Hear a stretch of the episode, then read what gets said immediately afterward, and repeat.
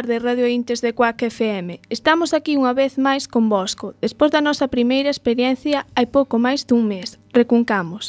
Mais antes de nada, imos vos exercitar a memoria, comezando coas presentacións. Eu son María. Moi boas tardes, amiguiñas e amiguiños. Eu son Uxía. Son membro do Club de Coristanca. E non sei se recordaredes ben o noso lema. Pois, por se non vos acordades, digo bolo eu. Coristranca, a lectura con retranca. Ah, por certo, eu son Laura.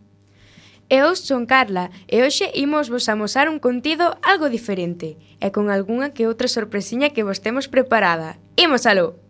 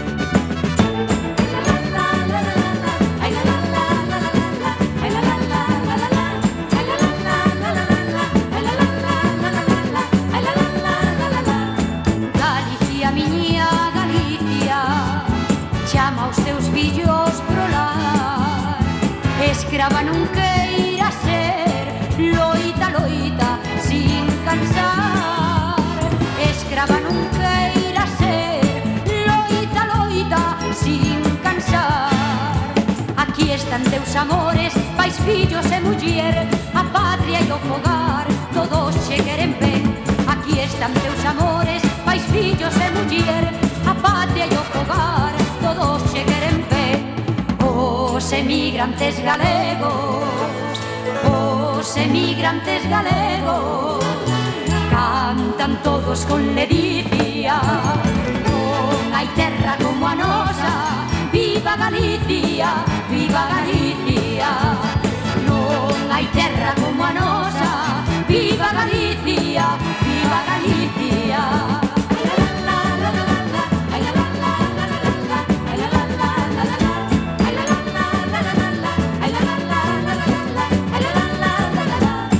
Nosa Señora vida dos mariñeiros Recorrerate dos teus fillos Neses mundos estranxeiros. Recorrerate dos teus fillos Neses mundos estranxeiros. Ben, agora, nesta primeira parte do programa Feitas as presentacións Imos desvelarvos a, a primeira sorpresa.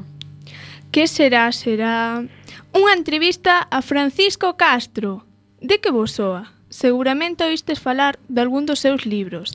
Nós, por exemplo, disfrutamos moito dun dos seus libros no primeiro curso de secundaria, chamádeme Sinbad, o cal nos encantou, pois, un li... pois é un libro moi emocionante, que te fai pensar, explorar un mundo de emocións a través da lectura ou enfrontarte a un tema tan duro como Alzheimer, na familia como cambia a relación entre un neno e o seu avó. Recoméndovolo porque Estou segura de que vos convencerá. Boa tarde, Francisco. Hola, boa tarde. Sabemos que és unha persona moi ocupada, por iso xa de antemán te agradecemos que nos acompañes neste tempo de directo. Nada, un placer moi grande. Aí igualmente. Por certo, que tal che vai o día? Bueno, ben, o se, a mañá foi un día moi moi cheo de cousas bonitas eh, agora pola tarde que prazer máis grande pode haber que falar con vos. Eh, logo pola tarde noite imos presentar na cidade da Coruña un, unha novela que editamos na Editorial Galaxia. Entón, bueno, vai ser un día moi completo. Pois sí, xa vexo. Uh -huh. A lectura máis recente do noso club de terceiro da ESO é Tesatas 10 Que che inspirou para escribir este libro? Bueno, pois é moi difícil de contestar sempre a pregunta de que é o que nos inspira a hora de, de escoller unha historia, non? Digamos que eu eh, tiña moi claro, dende había moito tempo, que quería escribir unha historia eh, na que eh, alguén, neste caso o protagonista da novela, pois eh, descubrise un pai eh, moi distinto do que el creía, non? É dicir, quería xogar a ese xogo da, do, do desvelamento da, da verdadeira historia de alguén que pensamos que queremos moito, non? Pero ao mesmo tempo eu quería tamén escribir unha historia que repasase os últimos anos do, do franquismo, antes da dictadura, e o traballo enorme que fixeron algunhas persoas dende a clandestinidade, xogándose a vida para que eh, caese aquela injustiza e eh, pudésemos gozar como se gozamos dun Estado democrático. Non? Entón recordo que estaba lendo unha novela que lín milleiros de veces, bueno, milleiros non, pero si dúcias de veces, que é a Illa o Tesouro, e, e lendo a Illa o Tesouro lembrei unha, unha, unha cousa que me fixo pois pensar iso, non? Que pasaría se recibises un correo electrónico dunha persoa xa morta e que, e que che di que tes ata as 10. E dai naceu un pouquiño de, de todos eses elementos, naceu a novela. Pois moi interesante, sempre é interesante saber de a que inspirou en que estaba pensando o escritor cando estás lendo un libro como Tesatas 10 que a verdade me encantou. Que ben, pois moitas grazas porque un cando escribe eh, o que busca é que se produzan ese tipo de, de reaccións, non? Eu sempre digo que escribir é un acto de comunicación. Un, un escritor escribe na súa idade da súa casa, pero escribe no convencemento de que o que está facendo ali no, no disco duro do seu ordenador vai chegar algunha vez a, alguén máis, non? Entón, bueno, cando tal se produce, e como ademais, eh, bueno, o libro parece que ten un certo éxito tamén fora de, de Galicia, ves que chegas a moita xente, e a xente che di, pois mira, encantoume, ou non podía parar de ler, ou estaba super intrigada, pois eso é algo que como escritor eu agradezo moito. Pois falando de que che inspira a escribir os libros, en primeiro de eso tuvemos eh, de lectura obligatoria Chamádeme Sinbad. Uh -huh. Eh, en que te baseaches para escribilo? Bueno, ese é un libro que tivo unha, unha inspiración moi moi directa, non? Porque miña nai morreu de Alzheimer Eh, yo o libro empecé no a escribir no momento en que ela empezaba coas primeiras manifestacións da enfermidade. Daquela o meu fillo maior tiña 11 anos, como a Paulo, o protagonista da novela, e eu quixen contar esa historia, a historia que quería presentarlle os nenos e as nenas, eh, a, a dureza do, do Alzheimer, non? Desta enfermidade que, como moi ben dicíades na presentación, cambia por completo as relacións de todo o mundo, cambia por completo un fogar, é dicir, un, un, un fogar por moi ordenado que estea no, ordenado que estea no momento en que eh, unha persoa padece esta enfermidade, eh, descalábrase por completo, non? E, e interesábame moito escribir un libro que ademais tivese un punto cómico, chamademe sin vas, é un libro que ten momentos moi simpáticos, moi divertidos, e interesábame que fose así porque a realidade mm, do Alzheimer do día a día ten pouco de cómica, ten pouco de divertida, e sobre todo quería escribir un libro que axudase a, a, a reflexionar sobre esta doenza, non? E sobre a necesidade que hai de, de seguir dándolle cariño e, e atención ás persoas que padecen esa enfermidade a min encantoume porque que mm, é como meterse na vida de esa persoa e poste no seu lugar e a min uh -huh. Encantoume. Que ben, bueno, pois pues eso unha vez máis era, era o que buscaba, no tanto chamademe Sinbad como, como Tesa tras vez son novelas que o que me vai dicindo moito moito público que a lee moitas lectoras e lectores é que empatizan, non? Que, que se ven reflectidos na, na historia e que se unen moito co, cos personaxes e iso é algo que, que a calquera que nos dedicamos a isto de, de soñar por escrito que non outra cousa é escribir máis que soñar por escrito pois nos gusta moitísimo escoitar En como consegues por tanta intriga nas tramas dos teus libros? Pois eh, eu creo que mm, porque coido moito que escribo, quero dicir, eu sempre digo que escribo as novelas tres veces, non? Hai un primeiro momento que eh, é eh, un momento no que valeiras todo, toda a historia, no que, no que escribes incluso dun xeito un pouco desordenado ás veces, non? Pero eu, eu son moi verborreico e entón escribo páxinas e páxinas e páxinas.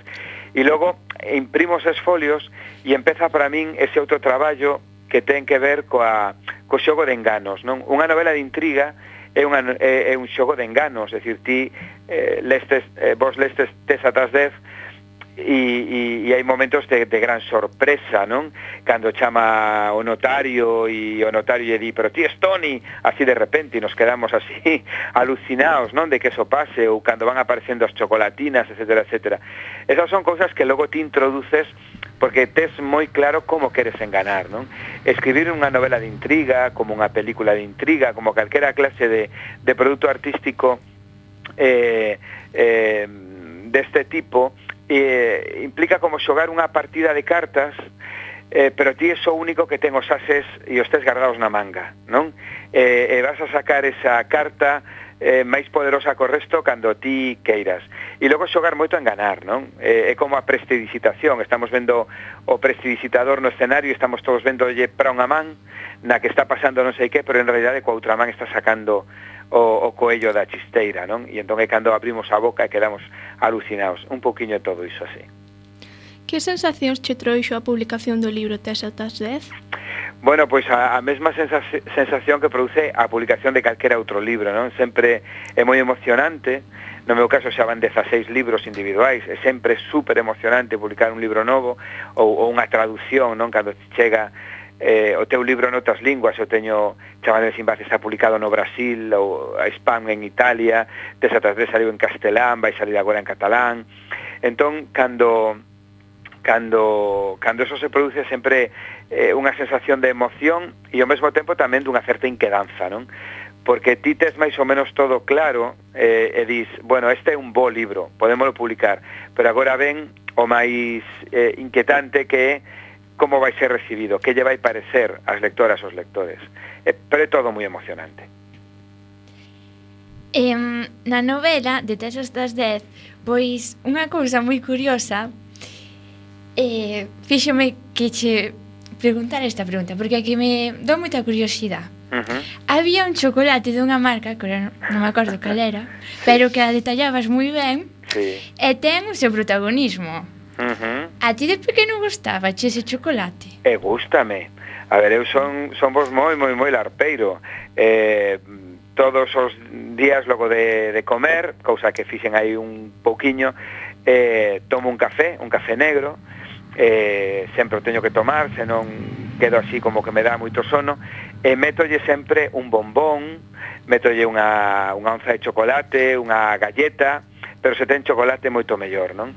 Eh, o tema das chocolatinas é un homenaxe ao meu pai. Meu pai moitas veces cando volvía ao traballo aparecía cunha chocolatina, chocolate con leite, eh, e a min gustábame moito antes incluso de comelo mm, tocalo era moi moi fino e de feito chamábase eh, eh, extra fino, non era super delgado e tiña papel eh, papel de aluminio e a min gustábame moito desenvolver aquela chocolatina e cheirala e logo comela, non? Entón, claro, evidentemente eh, o chocolate xoga un papel moi importante na miña vida e espero ser o típico velliño de 100 anos que de súpeto vexa unha torta de chocolate e, e vaya correndo a, a meterlle o dente se que teño dentes aquela.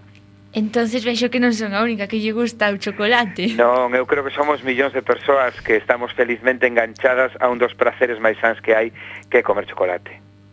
Por que ten importante a cidade de Vigo nesta novela? Bueno, é importante nesta novela e noutras, non? Eu publiquei novelas como Xeración Perdida, ou Tes atas 10, ou Amor é unha palabra como outra calquera, ou Barricadas de sal, e, e todas elas transcurren na cidade de Vigo.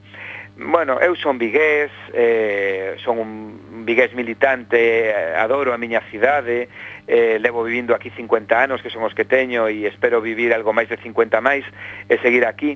Eh, e polo tanto son os escenarios nos que eu me movo, non? Eh, e eu creo que eh, a literatura pode ser universal, aínda que se desenvolva nun barrio concreto, non? Nos lemos a Novoneira e nos canta o Courel e, e, e entendemos que esas montañas as que está falando son as montañas calquera do mundo, non? O vemos unha película eh, de Woody Allen que transcurren en Manhattan, en Nova York, e das cousas que nos falan tamén nos identificamos con elas. Entón, eu aspiro a que as miñas novelas, malia que transcurren todas en Vigo, calquera persoa en calquera lugar do mundo, en Coristanco, en, en Coruña, en calquera sitio, pois que tamén as entende igual de ben. En unha curiosidade, uh -huh. crees que calquera persoa pode chegar a escribir un libro? A ver, eu creo que sí. Outra cousa é, é como se dis, eh, si todo mundo pode cantar, pois claro, todo mundo pode cantar, pero ter unha gran voz e afinar ben, etc, etc, eso é algo que fa moi pouca xente, non? Eu durante moitísimos anos, eh, levo moitísimos anos, décadas xa, impartindo obradoiros literarios para xente que lle gusta escribir, que quere mellorar, E entón eu sempre lles digo que é cuestión moito moito de, de, de meterlle horas, non? Entón, claro que sí. Outra cousa é a, a genialidade. Eu creo que todo o mundo pode facer un poema, non? Pero conseguir un poema que nos arrebate, que nos, que nos faga estremecer, eso é algo que fai moi pouca xente. Pintar, pinta moitísima xente. Ser Picasso e inventar o cubismo é outra historia máis difícil. Mm. Recentemente soubemos que asumías unha nova responsabilidade moi importante ao ser nomeado director xeral da editorial Galaxia. Uh -huh. Como afrontas este novo reto? Pois con moitísima ilusión e moitísima responsabilidade. É unha ilusión maravillosa, enorme, catedralicia, eh, ter, eh, estar a fronte dunha, dunha editorial que é moito máis que unha editorial. A editorial Galaxia é parte da historia de Galicia, é parte do país, é, un, é unha das columnas centrais do noso país. Pero ao mesmo tempo tamén eh, este posto implica unha enorme responsabilidade, porque son 67 anos de historia e menuda historia, non? É dicir, eh, os anteriores directores da editorial pois, foron xente crucial na historia da cultura galega e o propio proxecto, non? É dicir, eh, decir Galaxia é, de, é dicir o galeguismo, eh, polo tanto ser o, o, o que leva o timón de, de, de semellante ia decir barco, pero hai que decir eh, que isto un, é un portaavión gigantesco pois eh, implica unha enorme sensación de responsabilidade todos os días. Non repercutirá isto no teu traballo como escritor? Pois mira, se si me desen un euro por todas as veces que desde o 26 de decembro que me, que me nomearon director me fixeron a pregunta, eu creo que xa tiña para unhas pequenas vacacións nun cruceiro. Eh? Eh, eu creo que non. Eh, sempre o digo o mesmo. Eu fui nomeado director xeral o día 26 de decembro, do 2016 e ese día eu non escribín, pero o día seguinte xa escribín. Eh, prácticamente todos os días escribín. Eu son unha persoa moi disciplinada e se teño media oriña libre vou a ir a novela que nestes días estou escribindo. Eh, eh, os poucas, poucas tardes que teño libre eh, intento pasalas coa miña pequena no, no parque, pero si acontece que ela pois ten unha hora de algunha actividade extraescolar, eu podo estar esperando a eh, nas escaleiras, coordenador aberto e escribindo. Entón, a resposta é que non repercutirá, claro que non. Pero eso porque eu non sei non facelo. Eh, eu imagino que, que si pasaran dous días, tres días en escribir, eu empezaría a sufrir convulsións, mareos, eh, e, e, a, e, a, e, a, e, a, e a dicir cousas moi raras de puro nerviosismo. Eh, que clase de libros che gustan ler no teu tempo de ocio? Pois o mesmo que lía cando era pequeno, de todo. Eu son moi moi ecléctico e entón podo pasar da, da novela negra, veño de rematar agora a lectura dunha novela negra, eh, a ler, como estou lendo agora, pois eh, eh, todos os poemas eh, todas as cancións escritas por Bob Dylan a quen hai pouco lle deron o Premio Nobel de Literatura, non? Paso da novela negra a, a lectura de poesía e, e mañá podo pasar a calquera outra cousa, é dicir, eu son moi moi moi raro nese sentido, cando era pequeno lía de todo e agora sigo lendo absolutamente de todo. Eh, retomando que dixeches antes sobre o de escribir, que non podes aguantar ningún día porque claro, a min tamén me pasa sinceramente, compréndote moi ben. Sí Sí, os que, os que somos eh, escritoras e escritores, eh, eh, polo que ti diste tamén o es, o, de, o, o menos importante é publicar ou non, é dicir, hai, hai, hai xente que é escritora, morre escritora e nunca publicou un libro, pero gusta de escribir e, e contar historias, non? Pois os que somos escritores, as que sodes escritoras, non o podemos evitar. E, e, e claro, a xente, eu recordo cando empezaba a escribir, Publiquei o meu primeiro libro aos 22 anos, pero desde os 18, 19 metía moitas horas, moitas horas, e a xente dicía, jo, macho, que aburrido, estás aí toda a tarde, dúas horas, tres horas escribindo, eso a que che leva? bueno, levábame a, a que eu quería aprender, e só hai unha maneira de aprender a escribir, que é lendo moito e escribindo moito, non? Así que eu entendo perfectamente tamén o que ti me dis do, do ben que te sintes cando escribes. Sí, é que é fantástico. Sí, eh, eu sempre digo que é un dos mellores oficios do, do mundo, non? É como cando é, é como cando lees eh, ser lector, hai xente que non lle gusta ler e hai que aceptalo, que hai xente que non lle gusta ler, non? Pero os que nos gusta ler sempre nos quedamos así como dicindo, como non che pode gustar algo que dá tanto gusto, que dá tanto placer, non? Pero bueno, é unha paixón e as paixóns son difíciles de explicar. A verdade é que sí. Bueno, ora vouche preguntar a miña pregunta porque xa as miñas compañeras están que non saben que facer comigo. Ajá. E bueno, con que temática te identificas máis hora de escribir? Pois casi a resposta é a mesma que a pregunta de que me gusta ler. Eh, eu escribín, levo escrito literatura infantil, juvenil, poesía, dentro da literatura para adultos, digamos, pois teño escrito novela negra, teño escrito eh, novelas máis experimentais, literatura erótica, mm, é dicir, non son capaz de de dicirche que, que haxa ninguna temática, ningún xénero, nin, ningún chanzo de idade para min favorito. A mí o que me gusta é escribir. Non? Eh, ás veces o corpo pídeme un formato, escribir para un chanzo de idade, ás veces pídeme para outro distinto. Teño dúas novelas rematadas xa, inéditas aínda, que son dúas novelas juvenis, e eh, agora estou escribindo unha novela de adultos, non? Non non sei, eh, eu en xeral son un tipo bastante raro e polo tanto isto reflíctese tamén a maneira en que eu eh, eh, me enfronto feito de escribir. A mí tamén me gusta moito escribir, porque como cando estás triste, plasmar os teus sentimentos axúdache a liberarte. Claro que sí. E pois, que lugares do mundo quererías visitar?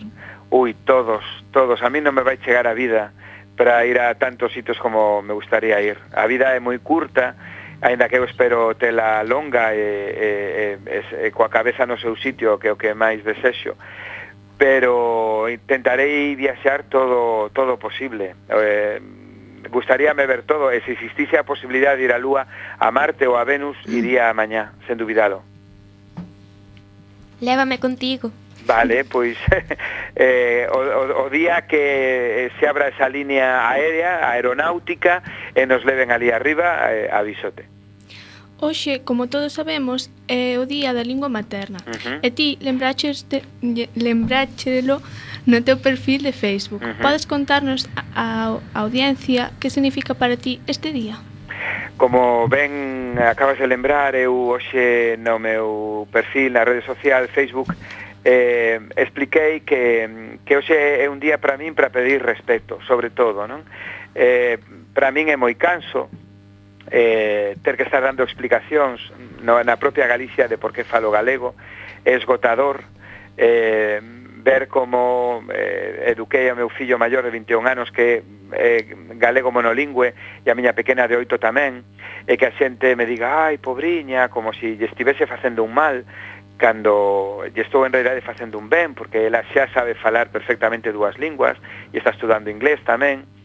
Eh, eu pidolle eh, en xeral a, a sociedade galega mm, eh, foi o que escribín esta mañá que entenda que si perdemos a lingua nos perdemos nós. Como digo sempre, Somos iguais que o resto. Aquí hai praias, pero tamén hai noutros sitios, aquí hai moi bo marisco, pero tamén hai noutros sitios, aquí hai lindísimas paisaxes, pero tamén hai noutros sitios, aquí temos un clima moi bo, pero tamén hai moitos sitios. E aquí a xente é máis ou menos mm, parecida a xente que hai noutros sitios. Só hai unha cousa, unha, unha única, non hai máis, só hai unha, que nós temos e o resto non, e é a lingua, a lingua propia Entón, eh, a mí gustaríame moito que a sociedade entendese que perdida a lingua desaparecemos. Xeográficamente pode seguir existindo un lugar chamado Galicia, ou Comunidade Autónoma Galega, ou como se lle queira chamar. Políticamente pode seguir existindo un sitio que se chame Galicia, pero o día en que desaparece a lingua galega, Galicia desapareceu tamén. Pois sí, eh, hai moita xente, por desgracia, que se avergonza de falala.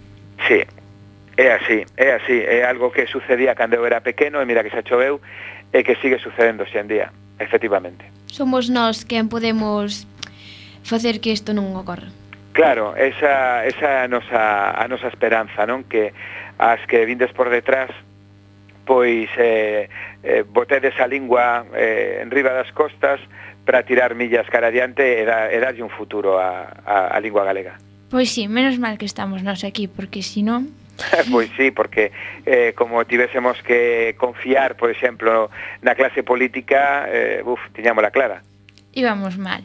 Pois sí. E agora vouche preguntar unha pregunta algo que non sei se me vas poder contestar. Pero antes dixeches que remataras dúas novelas. Sí. Podes nos dar un pequeno avance de como son? Pois eh, mm, non podo contar moito porque non son eu de contar eh, sobre os meus libros antes de que estean, pero unha delas eh, bueno, un, bueno, as dúas son dúas historias de amor, que é un dos temas que sempre están nos, nos meus libros, a, ambas as dúas están pro, protagonizadas por, eh, por xente moza, e nunha delas, pois, eh, reviso unha vez máis eh, acontecementos eh, da guerra civil que non se solucionaron ben, e que hoxe en día hai que intentar solucionar, bueno, todo o tema da memoria histórica que oiría de desfalar, e, eh, e a outra pois é unha, unha novela na que me achego a un asunto máis ou menos cercano ao, o do Alzheimer. Mm, non tan duro, pero, pero que puidera ter que ver. Moitas grazas por darnos esta maravillosa oportunidade de entrevistarte. Na, un placer enorme. Desexamos que che vaya moi ben nos teus vindeiros proxectos. Moitas gracias e a vos tamén. E quen xa, e quen sabe, se cadra algún día topámonos polas rúas de Vigo para ler in situ de novo Tesatas 10. Pois quen sabe, sería moi bonito. Ben, e para despedirte, acompañámonos dunha banda sonora da que estamos seguras que gustas moito, moito. A ver...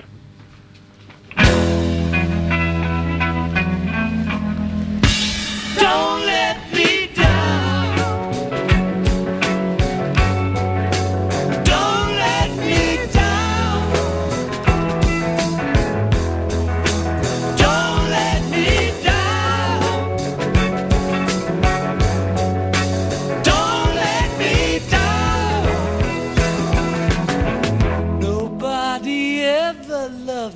like she does. Mm, she does. Yes, she does. And if somebody loved me like she does, mm, she does. Yes, she does.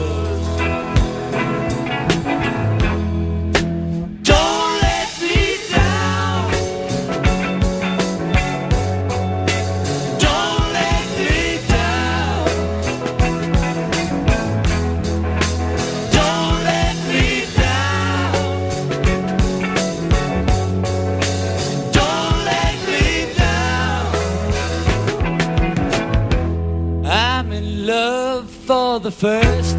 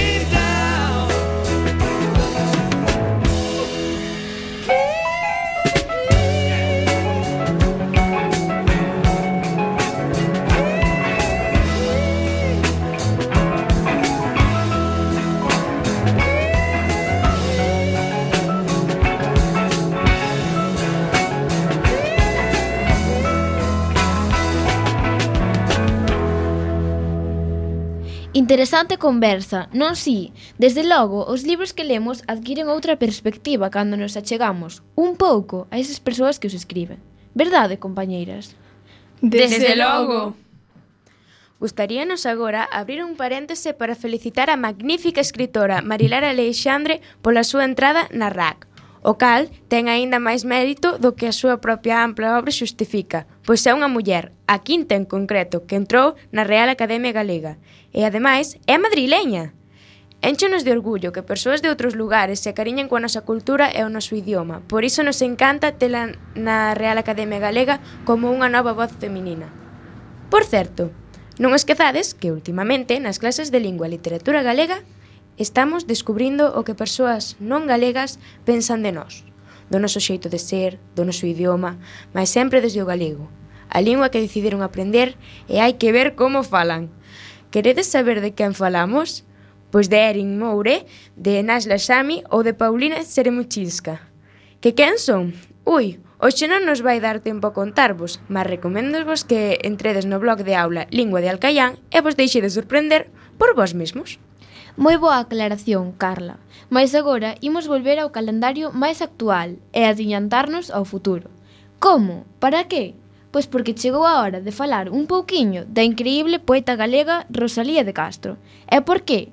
Pois porque aínda que calquera día é bo para falar da nosa escritora máis internacionalmente recoñecida, o certo é que, por se aínda non caístes na conta, o próximo venres 24 de febreiro é o día de Rosalía de Castro. Rosalía de Castro de Rosalía Castro de Murguía nada en Santiago de Compostela o 24 de febreiro de 1837 e finada en Padrón o 15 de xullo de 1885 é a máis ilustre figura de lírica moderna e un dos máis altos valores da poesía galega española do século XIX. Ademais, da principal ademais do principal responsable do rexurdimento galego decimonónico, xunto a Eduardo Pondal e Manuel Curros Enríquez. O 17 de maio, Día das Letras Galegas, celébrase desde 1968 co gallo de ser a data de edición da súa obra Cantares Galegos 100 anos antes. Na actualidade, a figura de Rosalía de Castro e as súas creacións literarias continúan sendo obxecto dunha abondosa bibliografía e recibindo unha constante atención crítica, tanto no territorio galego como no estranxeiro. De feito, este curso tivemos a oportunidade de conversar coa súa traductora ao inglés e tamén poeta canadiada Edith Moury. Nos seus primeiros anos, Rosalía viviu unha infancia, infancia leda nas vilas rurais de Ordoño e Padrón, Nunha das pasaxes bibliográficas dun dos seus poemas de cantares gallegos, Rosalía bota unha ollada nostálxica á casa de Arretén, en Iria Flavia, onde viviu por tempadas cando a súa nai entre os 9 e os 15 anos. Unha infancia lembrada por cancións, risas e badaladas de campás. Campás de bastalades, como vos oio tocar, morro de soidades. Coa publicación de Cantares Gallegos no ano 1863 acadouse o fito cumio do rexurdimento das letras galegas e, asemade, marcouse un punto de inflexión na historia da literatura galega. Cun elevado exercicio lingüístico e literario, a escritora prestixiou o galego como unha lingua literaria, aínda que esta lingua xa fora empregada para a creación literaria previamente, na Idade Media, coa lírica galaico-portuguesa, e reivindicou o seu uso. Ademais, por medio dos temas tratados en Cantares Gallegos, Rosalía outorga á súa obra un carácter sociopolítico, reflectindo as duras e pésimas condicións baixas que se atopaba a sociedade rural galega, ao mesmo tempo que reivindicaba a lingua galega fronte ao castelán e a Galicia fronte a España. Pódese dicir que Rosalía prendeu, def bueno, pretendeu defender e des des redescubrir a cultura e a identidade galega, as cales foran obviadas pola ideoloxía centralista estatal. A pegada de cantares gallegos quedou reflectida tanto na posterior produción literaria como no mesmo povo galego, que ao verse reflectido na obra rosaliana tomou coincidencia da súa propia dignidade.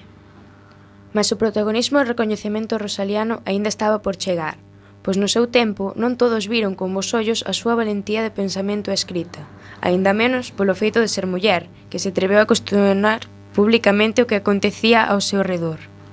O 20 de marzo de 1963, tres membros numerarios da Real Academia Galega, concretamente Francisco Fernández del Riego, Manuel Gómez Román e Xesús Ferro Couselo, enviaron unha carta ao presidente da institución, Sebastián Martínez Risco, na que se sometía a consideración da Xunta Xeral a proposta de celebrar o centenario da publicación da obra Cantares Gallegos, de Rosalía de Castro. O 28 de abril ten lugar unha xunta ordinaria que ten como resultado a declaración de Día das Letras Galegas o 17 de maio de cada ano. E hoxe, tres días antes do aniversario do nacemento de Rosalía, quixémoslle facer unha pequena homenaxe a esta gran escritora e poeta da que tan orgullosos estamos. Agora Carla vai recitar un dos seus poemas máis coñecidos. Adiós ríos, adiós fontes. Adiós ríos, adiós fontes, adiós regatos pequenos, adiós vista dos meus ollos, non sei cando nos veremos. Miña terra, miña terra, terra donde me criei, hortiña que quero tanto, figueiriñas que plantei, prados, ríos, arboredas, pinares que move o vento, Paxariños piadores, casiña do meu contento, muiño dos castañares, noites claras de luar, campaniñas timbadoras da igrexiña do lugar, amoriñas das silveiras que eu lle daba o meu amor, caminiños entre o miño, adiós para sempre, adiós. Adiós gloria, adiós contento, deixo a casa onde nacín, deixo a aldea que conozo por un mundo que non vin. Deixo amigos por extraños, deixo a veiga polo mar, Deixo, en fin, canto ben quero, quen poidera non deixar. Adiós, adiós que me vou, erviñas do campo santo, donde meu pai se enterrou, erviñas que viquei tanto, terriña que nos criou. Xa seon lonxe, moi lonxe, as campanas do pomar. Pra min, ai coitadiño, nunca máis han de tocar. Xa seon lonxe, máis lonxe, cada balada, balada é un dolor. Voume soio, sin ánimo, miña terra, adiós, adiós. Adiós tamén queridiña, adiós por sempre quizais, dígoche este adiós chorando dende a beiriña do mar. Nunca me olvides, queridiña, si morro de soidás, tantas leguas mar adentro, miña casiña, meu lar.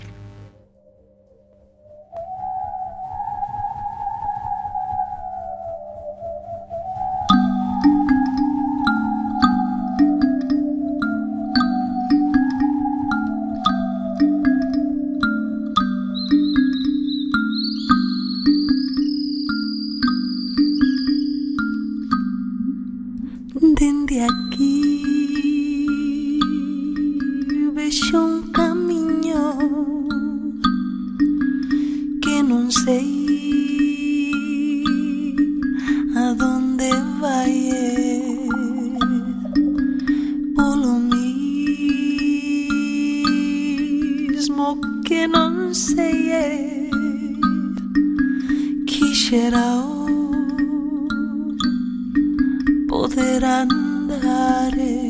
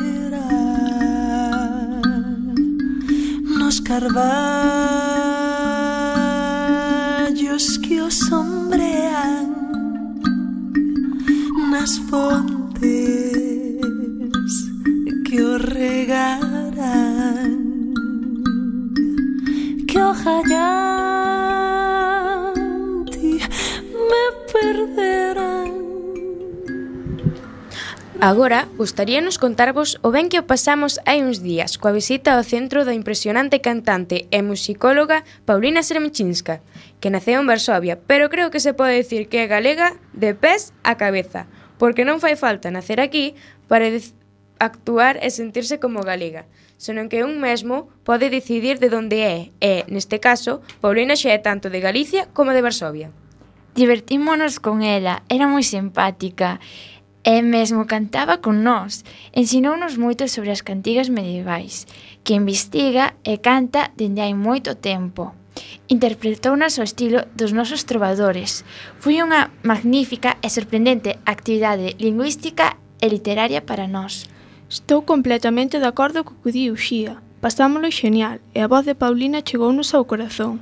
Eu tiña os pelos de punta. Estaba en todo momento esperando a que volvese deleitarnos coa súa preciosa voz. Pois a min pasoume igual, creo que todos nos sentíanos así, con ganas de máis música. Ao fin e ao cabo, a música é unha gran forma de aprender, e neste caso, creo que aprendemos fora da aula moitísimas cousas.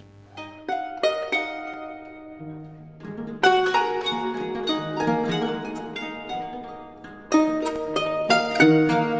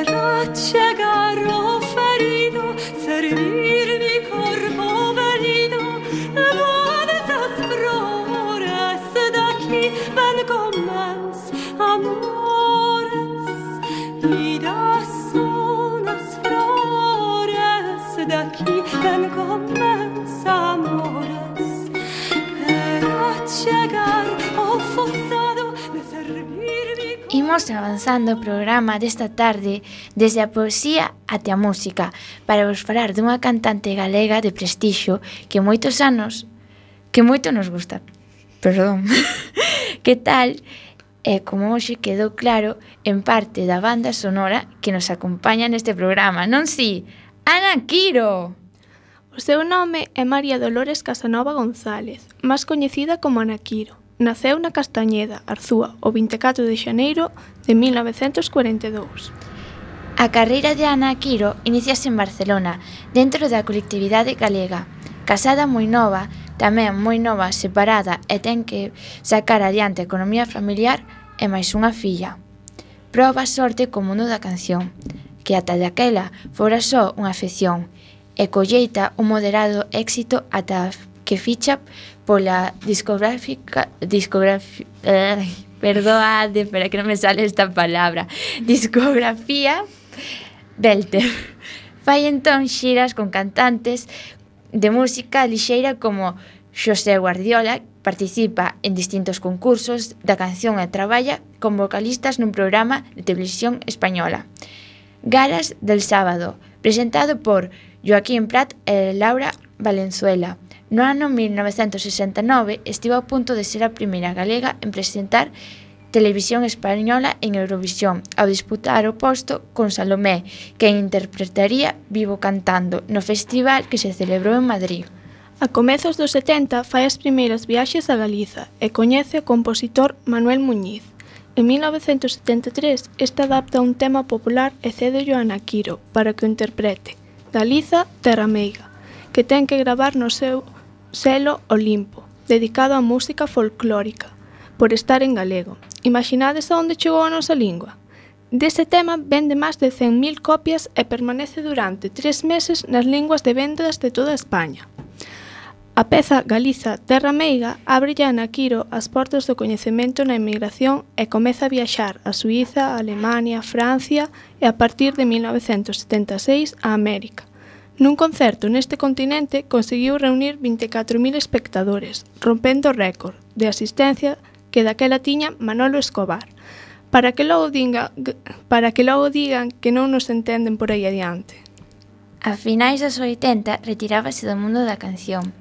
En 1995 fanlle unha homenaxe na Coruña, que se transmite pola televisión de Galicia e que acada unha grande audiencia. Disto, de oito anos apartada dos escenarios, actuou de novo o 14 de setembro de 2007 en Mera, un concerto de homenaxe á súa traxectoria, que foi a última actuación. En 2006 detectanlle un cancro de ovarios e agás aparicións esporádicas en homenaxes non regresou á vida pública. Faleceu o 24 de setembro de 2010, Curiosamente, o día do seu falecemento emitíase o primeiro programa de Tardes con Ana, dentro da novena entrega do espazo da Televisión de Galicia 2. 25 anos de programas, coincidindo coa hora do seu falecemento, ás 12 e media. O seu corpo velouse no auditorio Gabriel García Márquez, de Mera, onde fixera a súa última actuación. Foi, foi soterrada no Camposanto de Serantes.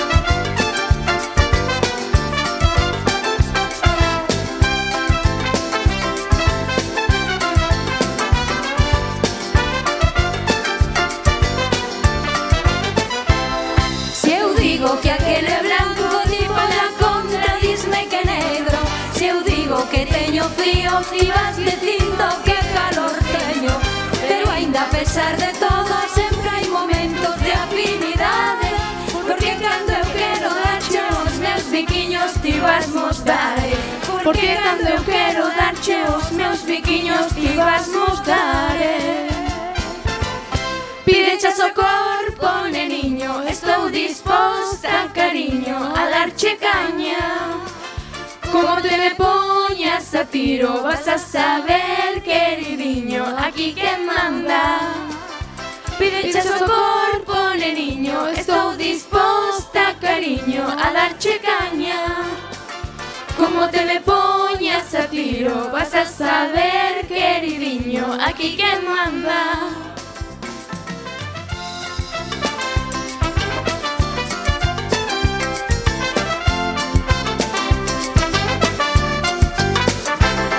eu quero bailar tiberras que xa estás canso de trolear? Eh. Se eu digo que teño sono, ti tes os ollos de par en pare eh. Mais cando chega o momento dos nosos corpos a rechegar? Eh. Ti dis eu xa estou disposto, eu sempre digo fasme esperar?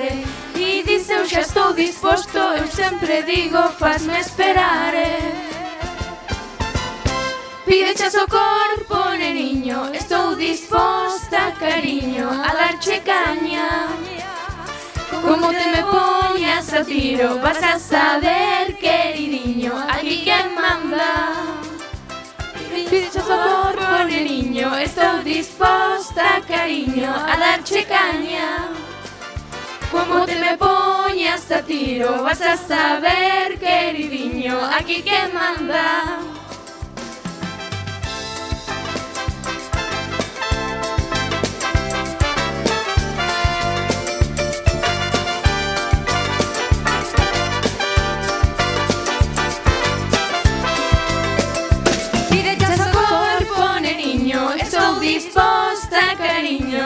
Caña. Como te me poñas a tiro Vas a saber, queridinho Aquí que manda. Pideches o corpo, neniño Estou disposta, cariño A darche caña. Como te me poñas a tiro Vas a saber, queridinho, aquí quen manda Echas o corpo, neniño Estou disposta, cariño A darche caña. Como te me poñas a tiro Vas a saber, queridinho, aquí quen manda. Que o seu corpo, neniño Estou disposta, cariño A darche caña. Como te me poñas a tiro Vas a saber, queridinho Que quen manda Ben, e para rematar, Ben, e para rematar, despois deste inesperado concerto das nosas compañeiras de equipo, non podemos marchar sen vos recomendar dous libros que tendes que ler sí ou sí, e que nos xa lemos no Club de Lectura este ano, e que nos encantaron. Amo te leo a, de Rosa Neiros, e tes atas 10. Correde á vosa biblioteca ou librería máis próxima. E aquí acaba o programa. Espero que non vos deixemos en tímpanos. E ata outra, queridiños! Quéresevos moito. Ah, e moitas grazas a Roberto por aturarnos antes e durante esta fabulosa hora de programa. Deica a próxima!